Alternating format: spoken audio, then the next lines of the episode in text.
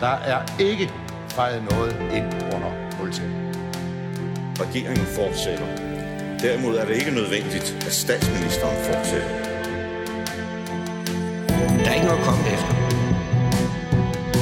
Per Helle, pas rigtig godt på dem. De er kun til låns. Fordi sådan er det jo. Ja, jeg kan bare sige, at der kommer en god løsning i morgen. Velkommen til Ministertid, programmet, hvor en forhenværende minister interviewer en anden forhenværende minister. Mit navn er Simon Emil Amitsbøl Bille. Jeg er tidligere økonomi- og indrigsminister, men det skal ikke handle om mig. Det skal derimod handle om dig, Johannes Libæk. Velkommen. Tak. Hvad var dit forhold til folkekirken, inden du blev udnævnt til kirkeminister? Ja, Jeg kan jo sige, ligesom Inger Støjberg siger, øh, hvor for tiden, som de fleste. Altså, jeg kom i kirken, øh, mine børn var døbt og, og var konfirmeret, men jeg var ikke en flittig kirkegænger. Til gengæld havde jeg som barn en del kontakt med folkekirken, for min far var, var en meget lang periode dejen, altså kirkesanger, og der var jeg også med ham ofte i kirken. Så jeg har den der barn, barndomskontakt til folkekirken, men jeg var ikke folkekirkelig aktiv som sådan, da jeg blev kirkeminister. Johannes Lebæk, radikal kirkeminister 2000-2001 i Poul Nyrup Rasmussens SR-regering.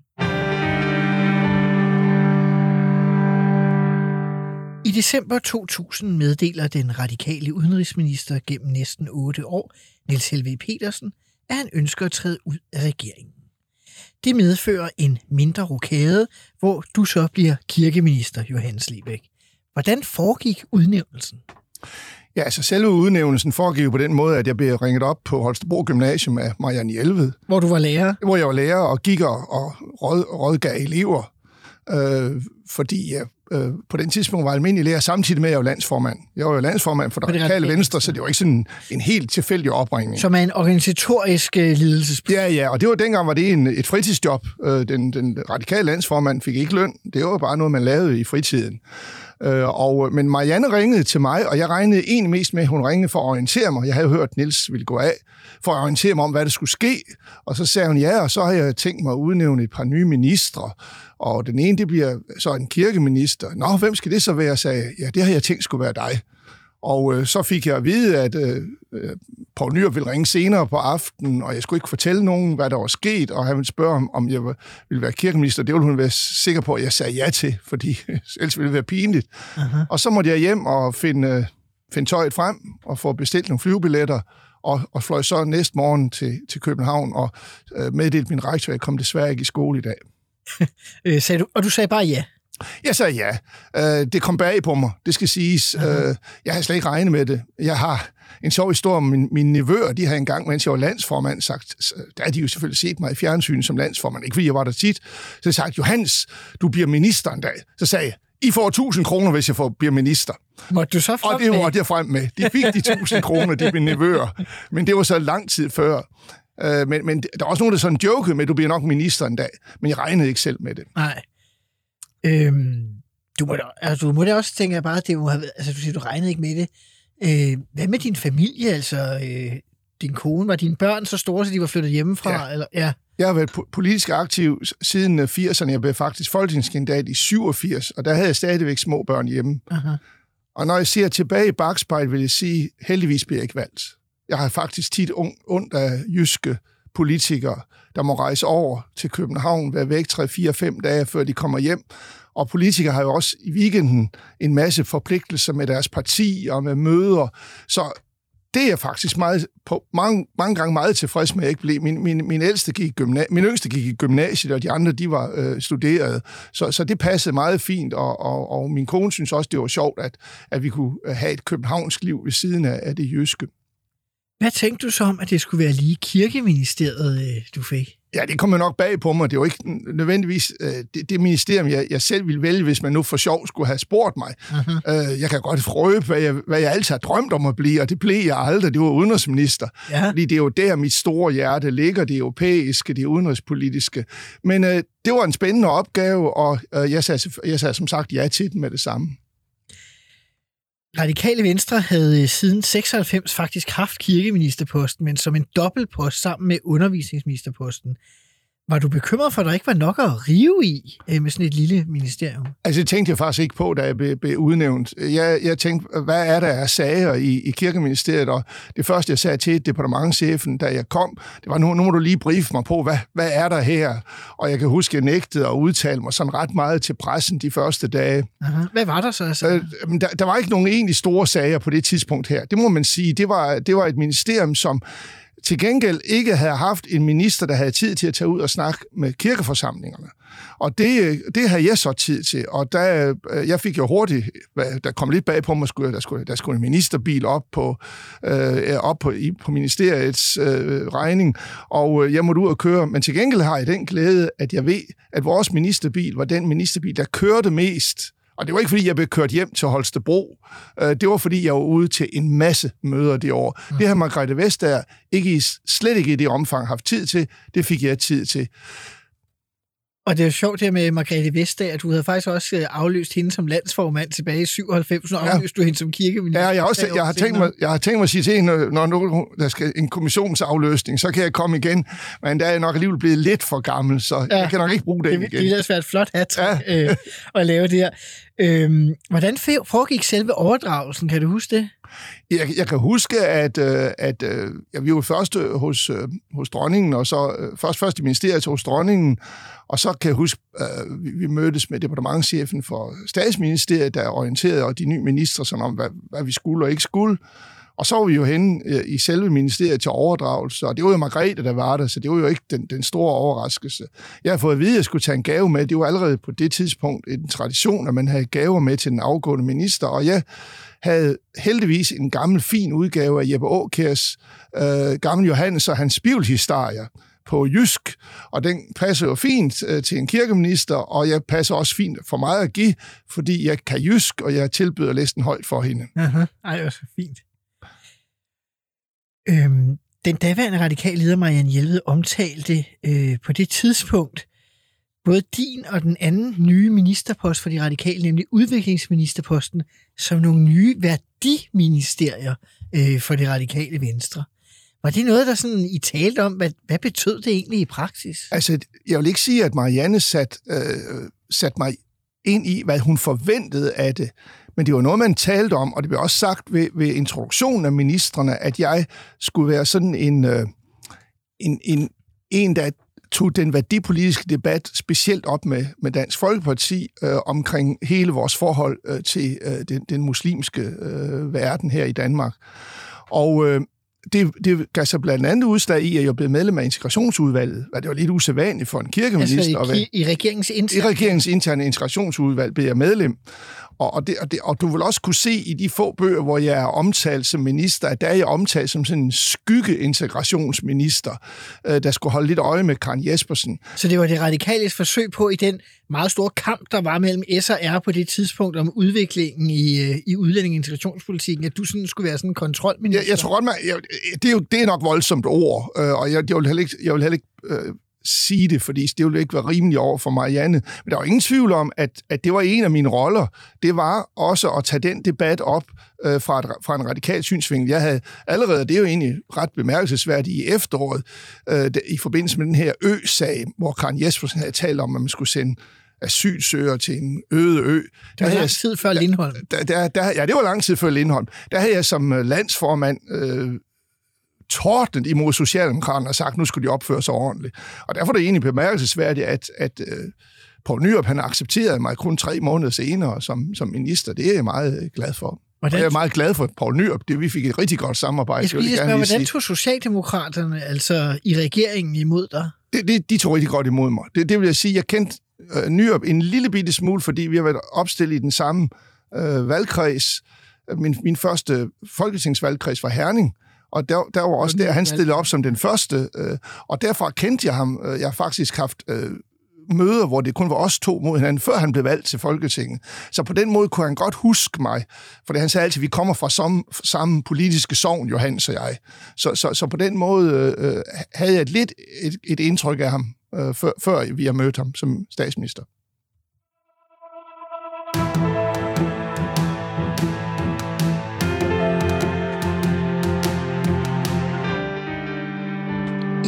Sager, du kastede over, Johannes Lebæk, var spørgsmålet om en muslimsk gravplads i Danmark. Hvorfor var det vigtigt? Det var en sag, der havde været oppe i medierne i lang tid, før jeg blev minister, så det kunne egentlig godt være en af de sager, som, som og det kan også være, at departementchefen nævnte den, da jeg kom. Øh, Margrethe Vestager havde, havde allerede som kirkeminister øh, lovet øh, nogle muslimske organisationer, at man ville prøve at finde en, en mulig gravplads i, i Københavnsområdet til dem. Så hen i foråret, jeg kan ikke huske nøjagtigt på datoen, der, der blev det en, en mediesag. Mm-hmm. Og jeg kom i TV-avisen, og man gik mig på klingen og sagde, hvorfor har I, vi ikke, har I ikke fundet den plads endnu? Og, og, og jeg måtte sige, at vi arbejder stadigvæk på det. Så pludselig så fik jeg fra Miljøministeriet, fra Svend Auken at vide, at øh, han havde fra Kjell Rasmussen i Brøndby fået at vide, at i Brøndby Kommune, der var der et, et, en, en plads, som kunne blive til muslimsk kirke, kirke, begravelsesplads. Uh-huh. Og det sagde vi selvfølgelig i Kirkeministeriet ja til. Det var vi meget begejstrede for. Nu, nu var der en chance for, at vi kunne holde det løfte, som Margrethe havde givet. Øh, og regeringen var i det hele taget meget tilfreds med, at vi nu kunne tilbyde en muslimsk gravplads. Uh-huh. Men så kommer der jo øh, lus i skinpelsen. Og, og det er en sag, som jeg til dato ikke helt ved, hvordan hænger sammen. Aha. Der skete jo det, at Brøndbys borgmester havde godt nok lov, at vi kunne få den begravelsesplads. Men det var ikke Brøndby, der ejede det stykke jord. Det var Københavns Kommune. Det er meget specielt, at de ejede et stykke jord ude i en anden kommune. Ja, men det, det gjorde de Københavns Kommune dengang, og faktisk havde der været en, en, en, et større område, de havde, de havde ejet, hvor Københavns Kommune havde solgt noget skov til Brøndby Kommune. Men, men den her begravelsesplads, som ligger helt ude ved, ved, næsten helt ude ved motorvejen, den var ikke solgt. Øh, den kunne næppe bruges til beboelse eller beboelsesejendomme. Det tror jeg ikke, man ville. Men øh, Københavns Kommune ejede den altså, og øh, Kramer blev noget fortørnet over, at Kjell Rasmussen sådan gav øh, et stykke københavnsk jord til muslimsk gravplads. Altså den daværende socialdemokratiske overmester i, i, i København. Og så gik der kug i den. Fordi øh, de der muslimske organisationer havde cirka 3 millioner køben begravelsesplads for. Og det ville Københavns Kommune ikke sælge den til. Altså, de sagde, at det var meget mere værd. De startede med at sige, at det var 18 millioner værd, eller 7 millioner værd, og, og så videre. Og så, så gik det efterhånden lidt i hårdknude hen over sommeren øh, 2001. Hvad gør vi nu? De muslimske organisationer kunne ikke købe den. Københavns Kommune ville, ville have 7 millioner. Hvad gør vi nu? Så fandt jeg faktisk, og jeg mener, det er faktisk mig, der fik ideen. Jeg vil ikke, det kan også have været en embedsmand, der, der hjalp mig, men jeg synes nu egentlig selv, jeg fik ideen om, kan vi ikke lave en eller anden garantiordning? Fordi øh, Københavns, Forstod, hvordan? Ja, Københavns Kommune havde, det er lidt teknisk, Københavns Kommune havde accepteret, at man nedsatte en taxationskommission, der så kunne vurdere, hvad grunden var værd. Uh-huh. Og alle de folk, vi i Kirkeministeriet snakkede med, sagde, den er ikke en øre mere værd end 3 millioner. Men Københavns Kommune blev ved med at råbe op om, at det var 7, 8, 10 millioner værd. Uh-huh. Så blev der nedsat en taxationskommission, men så, kunne, så den ville tage tre år til at arbejde, to-tre år til at arbejde. Så sagde jeg, kunne vi ikke bede øh, om at få en statsgaranti, der sagde, hvis den grund kommer til at koste mere end 3 millioner, så lægger staten pengene ud. Og den, den, øh, den den, øh, det aktstykke var på vej ind i øh, Finansudvalget. Og der var flertal i Der var flertal i Folketinget for det. Så stoppede Dansk Folkeparti øh, sagen. Den, skulle, den kunne ikke nøjes med at komme igen i Finansudvalget, men den skulle, den skulle i, i, i Folketingssalen. Og så kom valget, og så gik det aktstykke ikke igennem. Men hvis vi lige siger, at det var Christian Tulsendal, Dansk Folkeparti, der øh, får den ned i salen. Jeg har været øh, inde og mm. læst noget af debatten. Ja. Øh, så den nåede faktisk at komme til behandling ja. i Folketingssalen. Men blev aldrig vedtaget. Men nåede ikke at komme til endelig ja. behandling. Ja. Og derfor så øh, snød på en ny. Så, snød, øh, så, så, så, fik, så kom bevalget udskrevet, og så blev sagen henlagt, og da der kom en borgerlig regering, ville de ikke støtte en muslimsk gravplads med penge. Det var ikke det, der var tale om. Der var tale om at give en garanti. Aha. Og jeg skal hilse at sige, at da taxationskommissionen så nogle år senere kom med prisen, så var det ikke 7-8 millioner, så var det under de 3 millioner. Så, de muslims, så det kommer ikke til at koste staten en øre, og min model ville heller ikke have været kommet til at koste staten en øre, men vi har fået en muslimsk gravplads tre år før. Ja, faktisk er den først endelig etableret seks år efter. Er det du, så mange år ja, efter? For jeg synes, du, det kun var tre ja, år. Ja, men efter du ja. øh, går af som minister, jeg har nemlig været inde Jamen, det er godt, du har... og undersøgt det. Ja. Øhm, men hvorfor... Øh, er det her fortæller om modstanden... Øh, modstand i Folketinget, var det kun det økonomiske, for, eller var det sådan et, øh, et dækargument, eller var det mere den værdimæssige debat om, skulle man overhovedet have en muslimsk øh, gravplads, som på en eller anden måde var statsinitieret? Jeg, jeg tror, det var, en, det var dobbelt. Jeg, jeg er sikker på, at der er nogle af de borgerlige partier, de, de ville godt acceptere, at, at der kom en, øh, en muslimsk gravplads. Mhm. Men, øh, men når de skulle forklare, hvorfor de ikke kunne støtte den, så var der altid det økonomiske argument. Man sagde selvfølgelig ikke, at vi ville ikke støtte en muslimsk gravplads, men sagde, at man kan ikke støtte nogen øh, andre trosamfunds gravpladser. Ideen fra min side var jo heller ikke, at vi skulle støtte dem. Ideen var, at vi skulle tage chancen og sige, det kommer ikke til at koste mere end 3 millioner, øh, og, så, og så giver vi en garanti. Men, men, men i, i debatten blev det selvfølgelig til, nu giver staten øh, 7-8 millioner til en muslimsk gravplads, og det kom de så aldrig til. Hvorfor havde det egentlig været så svært at finde et stykke jord indtil da? Ja, det må du så spørge om øh, de, de københavnske borgmester om. På den måde er det sådan set fint, at Kjell Rasmussen godt nok lidt drillagtigt finder en grund, som ikke er, er hans, men Københavns Kommunes, øh, som, som han så alligevel med, med en, en vis styrke siger, der vil jeg godt acceptere, at der ligger en muslimsk gravplads. Aha. Det, lå, det ligger heller ikke særlig elegant. Jeg har været ude og set den sidenhen. Jeg var desværre ikke inviteret med til åbningen, hvad jeg synes var lidt pikeret over, for det var faktisk mit, mit værk oprindeligt, men det, som du siger, det gik jo altså, der gik seks år. Men, øh, men øh, den ligger jo ikke så øh, enestående. Den ligger lige ved, ved, ved motorvejen, men altså, det, kan, det kan de døde jo ikke høre, og, og i dag er det jo en velfungerende begravelsesplads, så vidt jeg kan, kan se øh, på det, jeg har været derude. Men hvorfor var det egentlig en vigtig, det var det første, jeg spurgte om, det svarede du faktisk ikke på. Hvorfor var det egentlig en vigtig politisk sag for dig og for det radikale venstre? Jamen, det var, jo det var jo et spørgsmål om at understrege, at der er plads til alle religioner i Danmark. Altså, det, det bliver jo den, det bliver jo den, den øh, det var ligesom for meget, meget om at gøre. Og der var jeg faktisk i tråd med mange i folkekirken. Øh, på det tidspunkt her øh, var der kun et års tid, før jeg blev kirkeminister, udgivet en, en antologi, der hedder øh, om, om islam og, og, og Danmark, af, af de danske biskopper, som de har været med til at tage initiativ til. Så, så det at, at lave religionsdialog, det var ikke noget, jeg har opfundet. Det var allerede til stede i store dele af folkekirken. Det med religionsdialogen, det vender vi tilbage til om et øjeblik.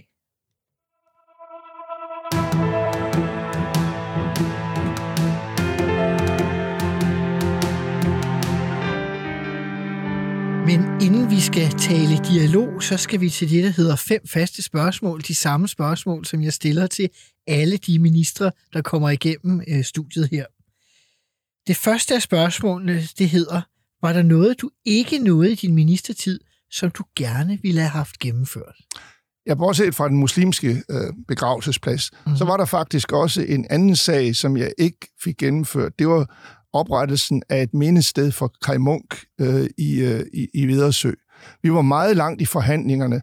Øh, vi, vi, øh, for, vi havde fået Ringkøbing Kommune med til at garantere, at de ville stå for, og amtet, at de ville stå for driften, og vi, jeg havde fået Per Stig Møller til at være med som formand for øh, en initiativkomité, der skulle oprette et mindested. Tidligere konservativ minister, Tidligere der har konservativ en minister, bog om Kai ja, Munk. og, og han har skrevet bøger om Kai Munk, og jeg spurgte ham om, vil du stå i spidsen for det her? Det ville han godt.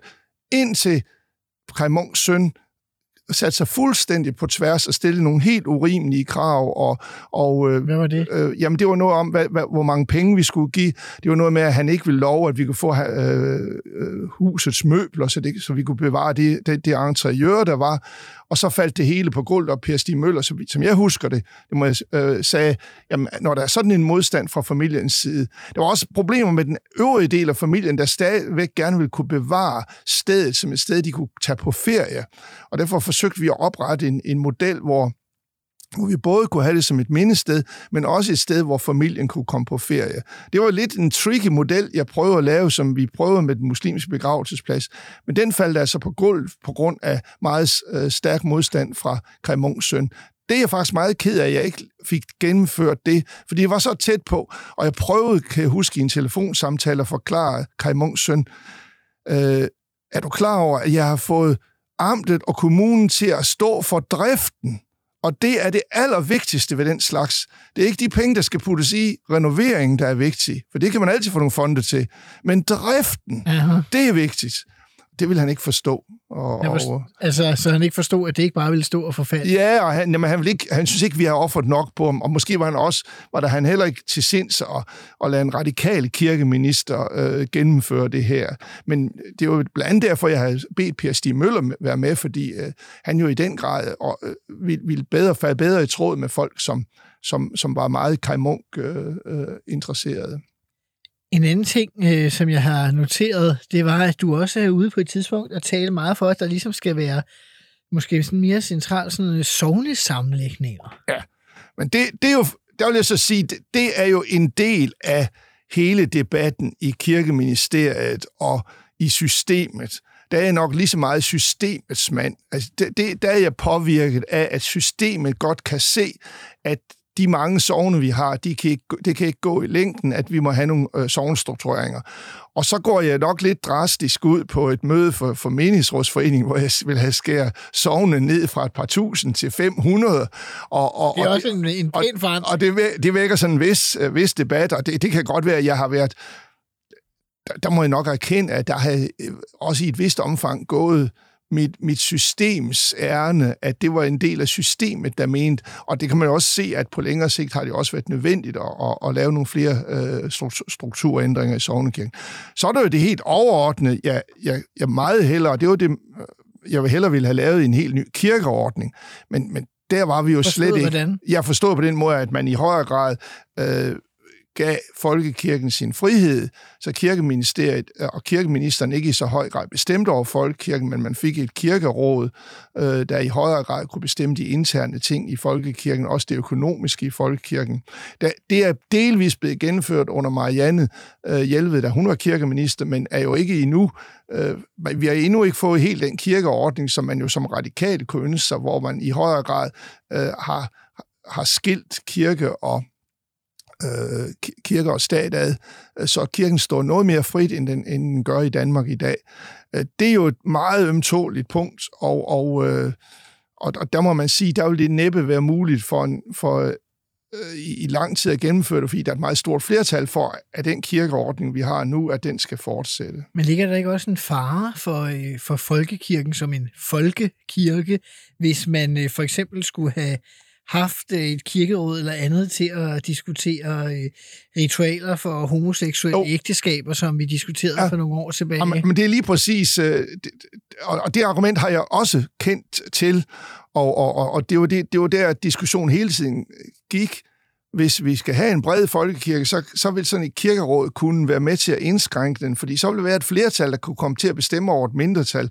Der har man jo netop i, i folkekirken valgt at være meget tolerant og meget brede. Du kan jo se det lige præcis her i disse tider, har vi haft diskussion om, øh, om øh, hvad hedder de... Øh, ja, om kvindelige, kvindelige, præster. kvindelige præster, ikke? Øh, Den er blusset op igen, øh, om, man, om man har lov til i menighedsrådet. Man har en undtagelse øh, fra, fra ligestillingsloven. Øh, og så, så den, den diskussion, og der er det, den det er samme, samme diskussion, at, at, at de, de mindretal, der er i folkekirken, skal beskyttes i et vist omfang, for ellers går de et andet sted hen, og så får vi ikke så bred en folkekirke. Jeg har haft en, øh, tid, på et tidligere tidspunkt haft en af dine radikale efterfølgere, Manu Saren, øh, i studiet, og hans øh, tilgang bliver jo næsten sådan, at øh, præsterne er embedsmænd i staten. Det er jo næsten det sådan helt modsatte forsvar. Risikerer man ikke også at, og, altså, der vil du vel heller ikke være, vel altså? Nej, nej, men det, det, det, jeg, jeg, jeg, det er nok også derfor, at, at den kirkeorden, vi har nu, den har sådan en, en eller anden dansk balance i sig. Altså, det, det, det, det, er, jo, det er jo en absurd ordning. Jeg, jeg har samtidig rejst rundt med at, at sige, at øh, kirkeministeren er den sidste enevældige minister. Fordi kirkeministeren kan gøre noget uden at spørge Folketinget. Altså, en, en række af, af, de ting, øh, kirkeministeriet gennemfører, det er anordningsret. Aha. Det skal ikke i kirkeudvalget. Det, det kan godt være, hvis han gør, øh, ikke spørger kirkeudvalget eller orienterer dem, så får han, får han måske nok mange problemer.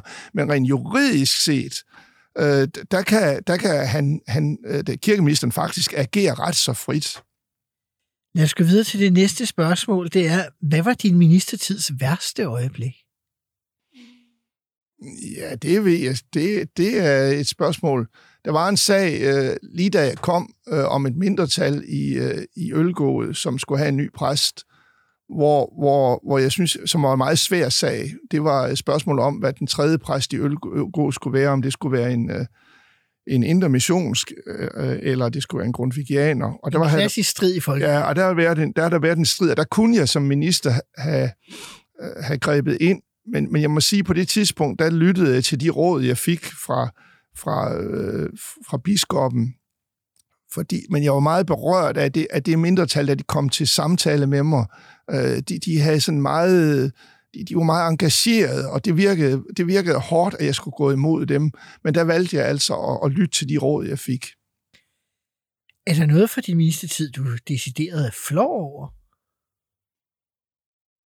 Nej, det kan, jeg, det kan jeg umiddelbart ikke komme på, at jeg har. Nej, det, det, det synes jeg ikke, øh, jeg, jeg kan finde på.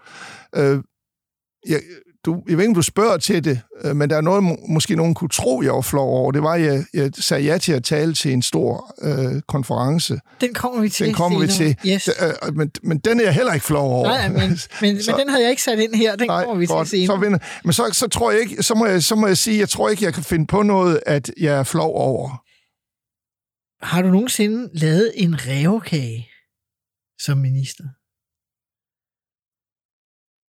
Nej, det har jeg faktisk ikke. Jeg har, jeg har forsøgt at lave de der kompromiser, der ligger øh, der ved Kaj der forsøgte jeg at, at, at, at balancere, så jeg ville til gode se alle.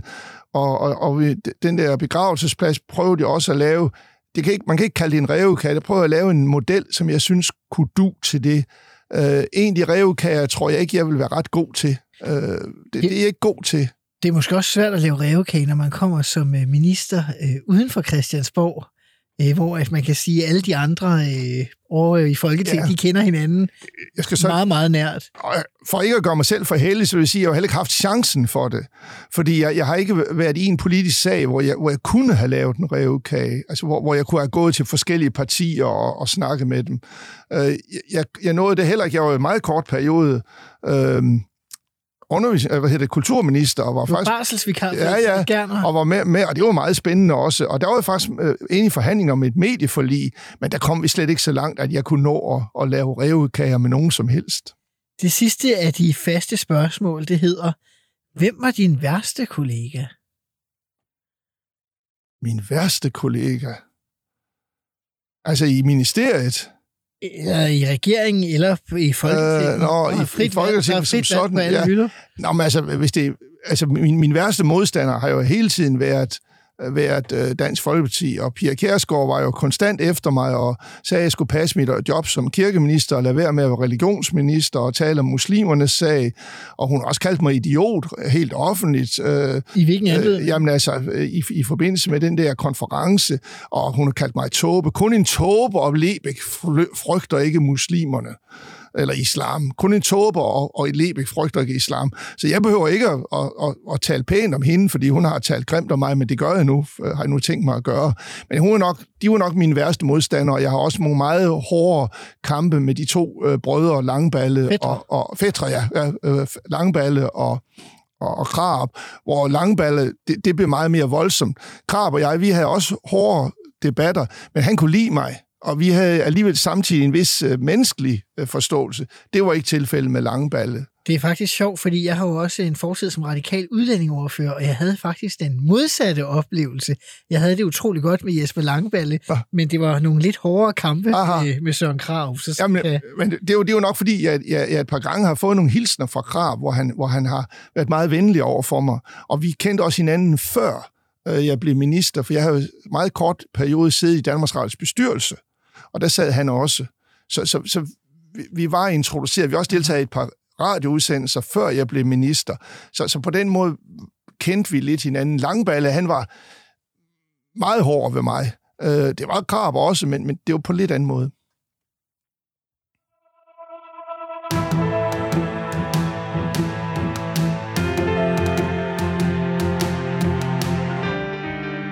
En sag, du øh, ret hurtigt tog op, var øget religiøs dialog. Kan, hvad var baggrunden for, for det, og, og hvad gik det egentlig ud på? Jamen, jeg, jeg tror sådan set, øh, det er den grundradikale holdning, jeg havde, at øh, den måde, man allerede der i, i, i øh, 90'erne havde talt om islam på, og om, om, om den religion, og, og den udskamning af den religion, og det, det, den tilsyneladende sådan forfølgelse af den, det var, det var øh, til hinder for integrationen i Danmark. Det, det tror jeg egentlig var sådan mit, mit politiske udgangspunkt for det, og Mariannes indstilling, at jeg skulle være sådan en... Øh, medlem af integrationsudvalget, og på en eller anden måde også være en værdiminister. Det, det tilskyndte også, men jeg vil, jeg vil sige, jeg har aldrig nogensinde, Marianne har aldrig været ved at sige, Johans, du skal gøre sådan og sådan og sådan. Aldrig. Det har hun overhovedet ikke blandet sig i. Hun har simpelthen regnet med, at den, det kunne jeg påtage mig. Og det gjorde jeg så, øh, og blev øh, øh, på mange måder en, der forsvarede øh, øh, islam, og, og det var egentlig godt, i godt god tråd med enormt mange af de mennesker, jeg mødte i folkekirken. Mm. Det var ikke noget problem øh, med, med, med de, de folkekirkelige folk, jeg har mest kontakt med, at vi havde den religionsdialog. Det var der, det var der almindelig bred enighed om, for eksempel i bispekollegiet. Øh, der fornemmede jeg helt klart, at det var ikke noget problem. Men på den mere kirkelige højrefløj, der var det? Det, det var det selvfølgelig, det kan man jo se med, med, med, med Søren Krab. Mm. Men med den kirkelige højrefløj har jeg så ikke mødt så tit, og de har måske også på, på forhånd opgivet mig. Altså, det, det kunne man måske forestille sig, at de har ikke øh, orket at diskutere med mig, sådan rent kirkeligt set. Grunden til, at det blev øh, Langballe og Grab, jeg kom til at diskutere så meget med, var jo, at de på det tidspunkt stillede op til Folketinget begge mm. to, og derfor kom jeg i almindelige debatter med dem som folketingskandidat. I en tid som øh, kirkeminister var der også øh, stor debat internt i dit parti, Radikal Venstre, om en række unge muslimske kandidater og folkevalgte, der var uldne i munden, når det faldt på forskellige emner herunder spørgsmålet om dødsstraf. Ja. Du ender med offentligt at sige, at de skylder svar. Ja. Vil det sige, at der alligevel var grænser for dialogen, eller hvordan skal man... Ja, Hvordan skal man du, du spurgte os før, om der var noget, jeg, jeg, jeg skammer over. Jeg vil ikke sige, at jeg skammer over, men jeg vil sige, at hele den sag er en sag, jeg ikke bryder mig om. Mm-hmm. Øh, det var blandt andet Mona Scheik, øh, som jo endnu er en, en kendt person i... Som var folketings, som, eller indstillet som folketingskandidat. Ja, og det vil jeg godt sige. Det var, dialogen gik jo på, at de skulle være vores folketingskandidater. Og derfor synes jeg, og det, det var blandt andet min, min gamle hat som øh, landsformand, jeg slæbte videre på, at du kan ikke have en folketingskandidat i det radikale venstre, som går ind for dødsstraf. Altså, det, det må stå helt klart. Men der vil jeg jo så selvfølgelig også sige, at der blev vi også presset meget af, af, af pressen. Forstået på den måde, jamen, kan I acceptere nogen, der er ulden i munden med hensyn til dødsstraf?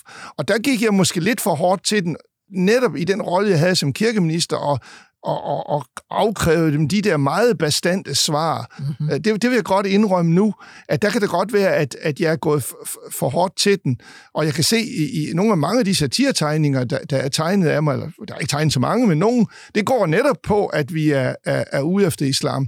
Til gengæld vil jeg godt sige, at det er meget vigtigt, når vi tager den her religionsdialog, og i det hele taget karakteriserer mit parti som sådan et øh, muslimelskende parti, så vil jeg godt sige, at vi er et af de partier, der har taget et opgør med dele af islam, som vi ikke bryder os om.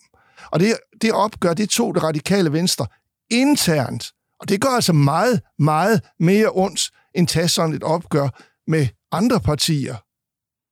Så, så det, var, det gjorde rigtig ondt, det der. Mm. Fordi det var jo unge, øh, lovende kandidater, som var i en kattepine. Fordi vi pressede dem og ville presse dem til at sige, i, vi kan ikke gå ind for det. Men så skulle de jo samtidig, hvis de var nogenlunde troende muslimer, sige, tage afstand fra dele af, af den muslimske tro. Så, så det, det var en meget vanskelig sag, øh, som, som jeg ikke... Jeg ved altså ikke, hvordan jeg vil håndtere den i dag, men der kom et enormt pres øh, fra, fra, fra udefra os på os, at nu skulle vi også som parti kunne sige fra over for noget, der absolut ikke var partiets kurs, og det har dødstraf jo aldrig været. Øh, øh, og det, for, det var stort set kun det med dødstraffen. Der havde været en sag nogle år før, da jeg var landsformand, hvor der også havde været en kandidat, der var på vej ind. Men den her Mona Scheik-sag øh, blev meget større. Det havde så også noget at gøre med nogle organisationer, de var medlem af. Min Hajj Ja, og, og diskussion om, hvor, er, er, de, er, de, er det sådan en, en øh, fundamentalistisk organisation, eller er det ikke en fundamentalist, fundamentalistisk organisation? Er det bare sådan islamisk KFUM, eller er det øh, et islamisk yderliggående? Og det er jo der ingen af os, der rigtig vidste. Mm. Nasser Carter klogede lidt i det, men, men uh, han, kunne jo heller ikke 100% sige det.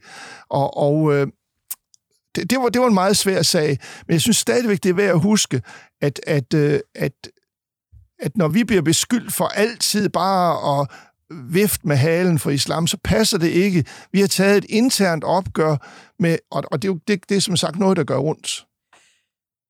En anden øh, ting i forbindelse med den religiøse dialog, var du selv inde på tidligere. Du talte nemlig i efteråret 2001 på en islamisk konference, og det modtog du en del øh, kritik for. Ja, Dansk Folkeparti ville have, at jeg skulle sige nej. Der, det, de var oppe i, i Folketinget og spørger, om, om jeg ikke skulle sige nej til en konference, men jeg blev, jeg blev enig med mig selv om, at i religionsdialogens navn, så kommer jeg altså til den konference, holder en indledende tale, hvor jeg understreger, at øh, der er danske værdier, som er i strid med noget af det, der sker inden for øh, i nogle af de islamiske stater, samtidig med, at vi går ind for religionsdialog i Danmark, og vi, vi vil gerne have, at de danske muslimer føler sig som accepterede borgere.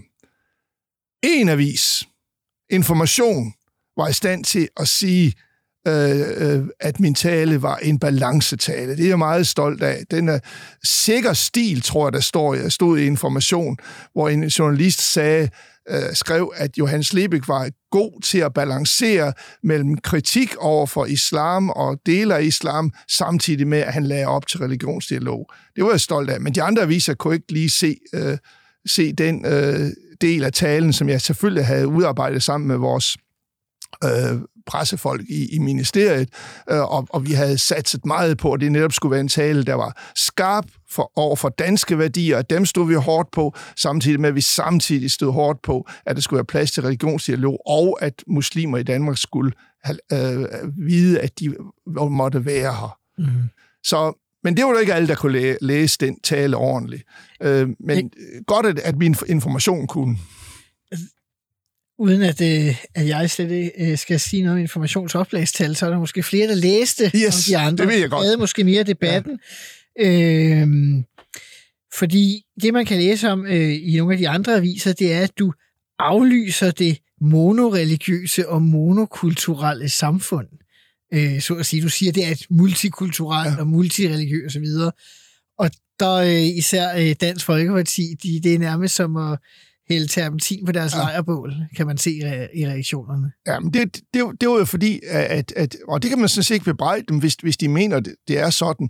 Men min, min idé var jo, og det er det fortsat, at vi lever jo i en, i en, i en tid, hvor vi må, må leve med, at samfundet er blevet mere multikulturelt. Altså, det vil være, det vil være en løgn at løbe fra det.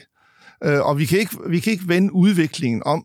Og hvis vi skal have en ordentlig integration, bliver vi nødt til at acceptere, at øh, der er flere religioner, og at der er flere opfattelser af tingene. Tag nu her, men, men vi kan, jeg kan næsten blive helt træt.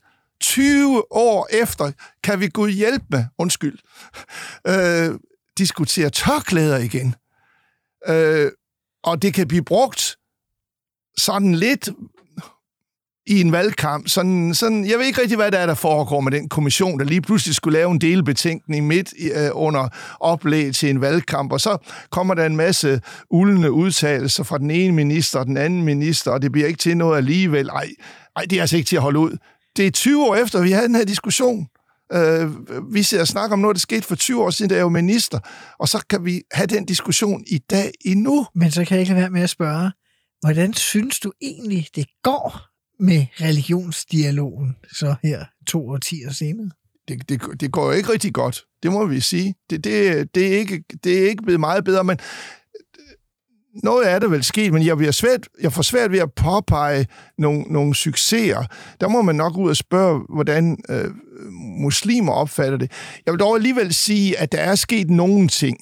Det kan så være på overfladen. Øh, øh, der er alligevel der er alligevel en større accept, tror jeg, i mange kredse af, af islam og forståelse for det. Ikke? Altså, når jeg har været til politisk møde op i, i, i min kreds, nuværende kreds, hvor, hvor en af Men nu bor du i Nordsjælland. Og Ja, ja, ja, det er Nordsjælland. Der, der har vi et medlem, som, som, som, som øh, under, under øh, ramadanen øh, næsten var ved at falde ned af stolen for den. Nu, da så solen må gå ned, nu må jeg ud og have noget mad. Fordi, øh, og, og det, det, var der ingen, det var der ingen, der gør, i hvert fald ikke i en radikal forsamling. Øh, og det, ville vi måske ikke have gjort for 20 år siden. Øh, der, der er måske nok sket noget.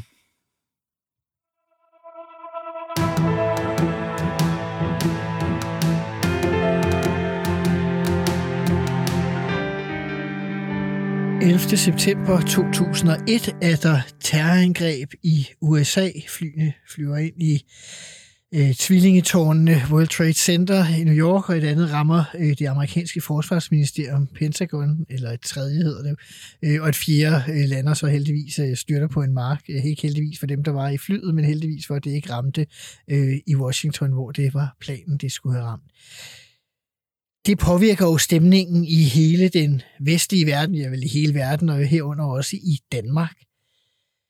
Hvordan påvirker det dit arbejde som øh, kirkeminister og som værdiminister for fortaler for dialog og tolerance? Og Altså, det skete endda kun to-tre dage efter den der konference i København, for at det ikke skal være løgn.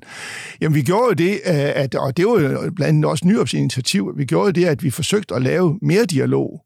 Øh, fordi vi, vi var enige, og det var, der har jeg set i de gamle aviser, at der refererede vi også til George Bush, at det var, det var ikke Altså, en... George W. George, George, George var Bush i USA. Det er ikke en religion, der skal have skylden for det her. Så, så vi holdt faktisk et møde, øh, og Nyrup han bad mig indkalde øh, til et møde i kirkeministeriet, øh, hvor vi havde en- indkaldt en række øh, muslimske organisationsfolk til et, et dialogmøde. Så, så der, var, der var, selv efter 11. september, var der vilje til dialog for ikke at at det skulle falde tilbage på den muslimske befolkning i Danmark, at, at øh, det havde været et udtryk for øh, den, den, den terrorhandling den 11. september. Så på den måde blev jeg lidt involveret i, i den dialog, men det, det gik, det var, vi er jo i september, og så, så går vi ind i oktober, og så er det allerede i november, valget kommer, ikke også? Så det, det var ikke ret meget tid, Mhm. øh, hvor jeg kan sige, at det fik indflydelse. Men lad os så gå videre til det. Hvordan oplever du dagen for valgudskrivelsen? Jeg, jeg, jeg tror, jeg oplevede den frustrerende, fordi jeg ville egentlig godt uh, have, været, have ventet lidt længere, men, uh, men uh, jeg kunne godt have ventet til ind, ind i 2002. Øh, men, men ellers, så, så er det vel som for de fleste ministre, så holder man op med at være minister, og så øh, blev jeg jo på det tidspunkt folketingskandidat. Jeg var flyttet fra Herningkredsen til Skivekredsen, og øh, jeg holdt op i Herningkredsen allerede, da jeg blev landsformand i 97, og så blev jeg senere spurgt af Skive, om jeg ville stille op. Og der skulle jeg jo så hjem og føre valgkamp, øh, og, øh, og det gik jo som bekendt ikke ret godt, og jeg blev, ikke valgt. Nej, det radikale øh, venstre får egentlig et okay valg. Man Ja. to mandater frem fra 7 til Ja. 9, og alle øh, undersøgelser, de her mandatprognoser, har sagt, at det både Ringkøbing Amt og Viborg Amt ja. skulle øh, give mandater, men ingen af dem Det gjorde de ikke, og det var lige præcis de to nye ministre, der sad der, Anita Bay Bundegård og mig, der ikke blev valgt. Øh, Jeg gik lidt tilbage i Skive. Øh, Jeg, jeg fik et meget pænt personligt valg, hvis man så ser på, men det er jo sådan nørde, nørdesnak, ved du Ja, godt. det kan man jo glæde sig ved, men det bliver altså, man jo der er ikke ingen diskussion, af, diskussion om, at, at jeg, jeg var en sikker mand i, i Viborg Amt, men, øh, men øh, vi har ikke noget stemmer nok, og de, det er jo også lidt at gøre med demografien, fordi øh, partiet flytter i et vist omfang til Sjælland, hvor vi får flere stemmer, og til København. København får en ny, øh, en, en, en ny mandat på det tidspunkt her, Mhm. mm-hmm. radikale. Jeg mener, det der... Og Vestjylland. Og Vestjylland, det er jo øh, Anders Samuelsen. Anders, Samuelsen, der får sin, sin post.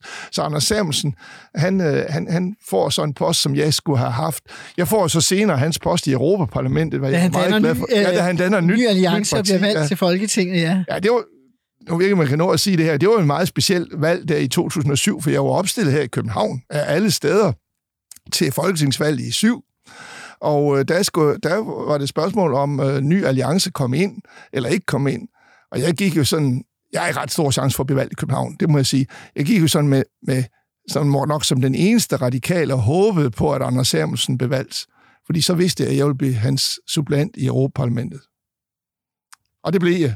Og der havde jeg 19 rigtig gode måneder nede. og om ikke udenrigsminister, så fik du måske afløb for noget af dit internationale engagement. Du har helt ret. Jeg fik faktisk afløb.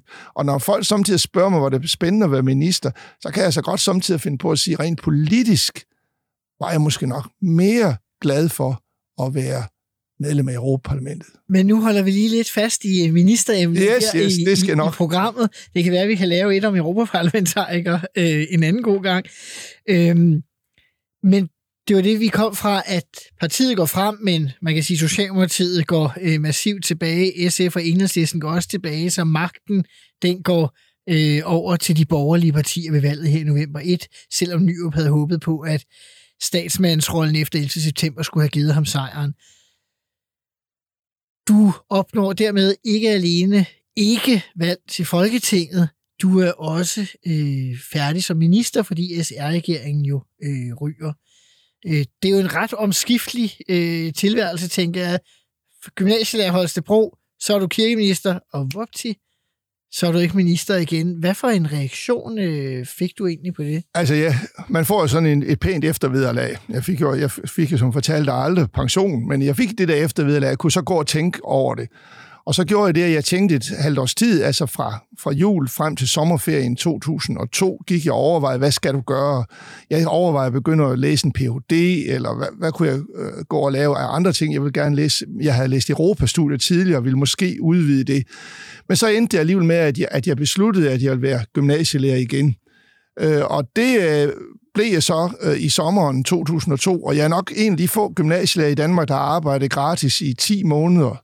Fordi øh, min gymnasielærerløn måtte jeg jo pænt aflevere, fordi øh, der er jo en modregning af eftervederlag, mm. så min rektor og jeg, vi har altid meget ske af, at jeg jo havde en stor jo arbejde i 10 måneder som gymnasielærer, uden egentlig at få noget for det. Du var simpelthen sponsor for stedet. Ja, skolen fik nu ikke lov til at beholde pengene, øh, og jeg vil også sige, at jeg fik en ganske god øh, løn. Det der eftervederlag er jo pænt nok, men, øh, men øh, jeg gik altså ikke og danderede den et år. Du, nej, det var også mere sådan, jeg tænkte sådan, Altså, øh, du får lige foden indenfor, ja. Og så blev det alligevel ikke. Ja, jeg er jo, jeg er jo så heller ikke landsformand længere. Det er det, jeg også du har siddet i toppen. Nej, men ved du hvad? Minister, sådan, så sådan er livets øh, omskiftelse. Jeg har en god historie, fordi øh, lige da jeg kom tilbage til skolen, skulle jeg med på sådan et intro-ophold øh, på, en, en, øh, på, på en lejerskole. Bare, bare en enkelt nat med en HF-klasse. Og der skulle øh, vi sove inde i nogle lærerrum, og så skulle øh, HF'en sove ude i nogle, i, nogle, i nogle fællesrum, hvor der var badeværelser, og der, så var der et, et badeværelse inde i lærerrummene. Og så var der en pige, hun, hun ville ikke bade ude ved de andre. Hun gik ind i lærerbadeværelset. Og hun havde ikke fået at vide, at man skulle passe på, når man badede derude, for så oversvømmede hele gulvet ud på gangen, når man tog bad. Og, øh, og, og det gjorde hun så, og da så og hun var sådan lidt en, en sårbar pige, og hun var en ny elev, så jeg sagde, jeg skældte hende ikke ud eller noget. Jeg tog en guldklud, og så tørrede jeg op efter hende og, i, på det våde gulv, som hun havde gjort vådt, uden at vide, hun, at det ville ske sådan, når hun badede det forkerte sted. Og der kan jeg huske, jeg sagde, ja, her er der godt nok langt til ministerbilen, Johannes, der gik og, og vaskede gulv derude. Men det, jeg skal sige, det var ikke et, for mig var det faktisk aldrig et stort problem at vende tilbage til, til, til gymnasiet. Jeg har gjort det før, for jeg var også en tur i Europaparlamentet, og vendte også tilbage til gymnasiet som lærer. Jeg har altid været så glad for at være lærer, at, at jeg har ikke følt det som et nederlag. Øh, og, og, men, men selvfølgelig var der nogle, nogle, nogle bitre stunder. Altså, det var der, det var der, jeg var der ked af at tabe valget der i 2001. Egentlig lige så meget, fordi at man også svigtede den kreds, der næsten var sikker på, at jeg ville blive valgt og sådan noget. Mm-hmm. Efter lidt tid, så får Anders Fogh Rasmussen dannet en ny regering, VK-regering. Din afløser bliver Tove Fergo øh, som kirkeminister. Hvordan, øh, altså det repræsenterer det, man kan kalde et stil- og holdningsskifte øh, på den post. Øh, det, det er jo lidt svært at overdrage den, øh, det arbejde, du havde sat i gang. Ja. Det, det var det, og, og det, det, det var, jeg vil ikke sige, der var en varm stemning i ministeriet, da, da hun overtog det. Og hun, hun lagde sig også næsten med det samme ud med, med folk, blandt andet øh, den salmbogskommission, der var der, som du ikke har spurgt til, fordi det er der ingen grund til, det, det kørte på skinner, og der mhm. kunne minister næsten kun gøre det at acceptere, at der var en salmbogskommission i gang. Det gjorde hun ikke. Hun begyndte at sætte spørgsmålstegn ved, om et ni års arbejde med salmbogen skulle ændres. Og, og øh, hun har jo i faktisk, mens jeg var minister, havde vi haft nogle, nogle kontroverser med hende omkring nogle kirketællinger i København, hvor hun har stillet spørgsmål til ministeren, og vi havde også svaret sådan lidt spids til hende, og lidt ironisk sågar. Så, så der var ikke... Der var hun der folketingsmedlem, øh, Ja. og, og øh, havde i, i, egentlig på sin vis lidt misbrugt folketingsjobbet til at stille nogle spørgsmål, der, der angik hendes, hendes job som præst. Som præst i København. Så, så det, det vil jeg sige, det, det har jeg nu ikke dårligt med. Altså, det var ikke, det, vi har svaret høfligt, men, men det var lidt ironisk, øh, kan jeg huske, en, et enkelt svar til hende. Øh, og øh, og, og- og det, det, var, det var en mærkelig overgang, at hun skulle komme efter mig, men hun, faldt jo, hun faldt, fandt jo hurtigt ud af, det med den salmbog, det måtte hun acceptere alligevel. Så, Nu fortalte du tidligere om, da overdragelsesforretningen, da du overtog fra ja. Din partifælle, øh, Margrethe Vestager. Ja. Hvordan fik, foregik så overdragelsesforretningen med to færger? jamen altså, den, den, den, vi var da høflige mennesker, og jeg ønskede en held og lykke, og jeg kan huske den gave, jeg gav hende, og jeg kan faktisk ikke huske, hvad hun gav mig. Men jeg kan huske, at jeg gav hende, øh, jeg fandt en gammel strukturkommissionsbetænkning fra en gang i 50'erne. Altså, en, der var nemlig lavet en, en, en, en ja, Altså i forhold til kirke og ikke, kirke, ja, nej, nej, i forhold til kirkens øh, omorganisering Ja, ja, i det hele taget, også Okay. med hensyn til kirkerådet og større økonomisk frihed, og sagde, det må du hellere få læst den her, fordi det er, det er vigtige sager, som jeg desværre ikke fik gjort noget ved. Uh-huh. Og, og- det, det er det eneste, jeg kan huske, fordi jeg anede ikke, hvad jeg skulle give hende, ellers så tænkte jeg, nu, nu finder du en af de der gamle rapporter og for, forærer hende den. Jeg tror ikke, hun har læst meget i den, men, men øh, og jeg kan slet, faktisk ikke huske, hvad hun gav mig. Men det er jo også en sjov øh, tradition. Det, jeg ved ikke helt, hvornår den er opstået. Der, Nej, er- det ved jeg der heller er jo mange, der fortæller, når de kommer herind, at ah, men det var der ikke, da jeg var der, andre Nej. siger, at det var der allerede, som du Ja. gjorde, da, Jamen, da du... ja. Øh, men jeg personligt har, øh, synes jeg selv, at det er en frygtelig tradition, fordi hvad fanden, undskyld, men hvad skal man finde på, ikke? Ja. Øhm, det sidste er, så siger du også farvel til, til medarbejderne. Ja. Øhm, der er jo nogen, man kommer meget tæt på, Ja. når man er i sådan et øh, ministerium. Øhm, var det en svær øh, afsked? Ja, det, det synes jeg. jeg. Jeg synes, med ministersekretær, og så, og så hvad hedder det, øh, ham, der stod for pressen, det var, det var, det var kirkeministeriets mand. Vi havde ikke spindoktorer eller, eller særlige rådgiver dengang. Men min, min, min ministersekretær, Rasmus Rex var jeg ked af at sige farvel til, og har haft nogle øh, meget gode oplevelser sammen med. For i den korte periode, hvor jeg var kulturminister, der fik jeg lov til at ledsage dronningen til Slovenien på statsbesøg. Fordi udenrigsministeren kunne ikke. Og der har jeg Rasmus med. Så, så vi har også nogle, nogle, og vi har været på Grønland sammen på et officielt kirkeministerbesøg på Grønland. Så jeg har mange gode oplevelser sammen med ham. Også med, med departementchefen, men ham er man jo lidt mere på afstand af. Mm-hmm. Men, men Rasmus der, og så Jørgen Ingemark. Og så selvfølgelig min ministerchauffør. Man kommer meget tæt på sin Jimmy, øh, og som meget sødt, da, da jeg holdt op. Der havde han sådan købt en gave, nemlig en mini-udgave af øh, den øh, BMW, vi kørte i og den fik jeg som afsked. Det, det var jeg meget rørt over. Aha. Og det, det, det er jo folk, som måske ikke tænker over i virkeligheden, at man bruger utrolig meget tid, Tid sammen, ja, det gør man. Det gør man. Og jeg, jeg har jo brugt ekstraordinært meget tid sammen med dem, for som jeg nævnte tidligere, vores bil kørte rigtig meget. Du er en af dem, der slid dækkene op. Ja, ja, vi, vi, vi, vi, vi brugte meget tid øh, ude i landet, fordi vi kom rigtig meget rundt. Det kan jeg også se, hvis jeg kigger på min kalender for den gang. Jeg var rigtig mange steder. Jeg sagde faktisk næsten ja til alt, hvad jeg overhovedet kunne sige ja til. Ud fra den betragtning af, nu havde man valgt at få en kirkeminister, der var, han er sagt solominister, øh, og ikke skulle passe et andet ressortområde, så må jeg også se og, og gøre noget ud af det. Johannes Lebæk, tak fordi du ville være med her i Ministertid. Selv tak. Du har lyttet til Ministertid på 24-7. Mit navn er Simon Emil Amitsbøl Bille, og jeg er tilbage igen i næste uge med endnu et afsnit. Husk, du kan lytte til alle tidligere udsendelser af Ministertid på 24-7-appen, eller hvor du plejer at høre podcast. Tak for i dag, og på gensyn i næste uge. Nej, undskyld, på genhør i næste uge. Fino.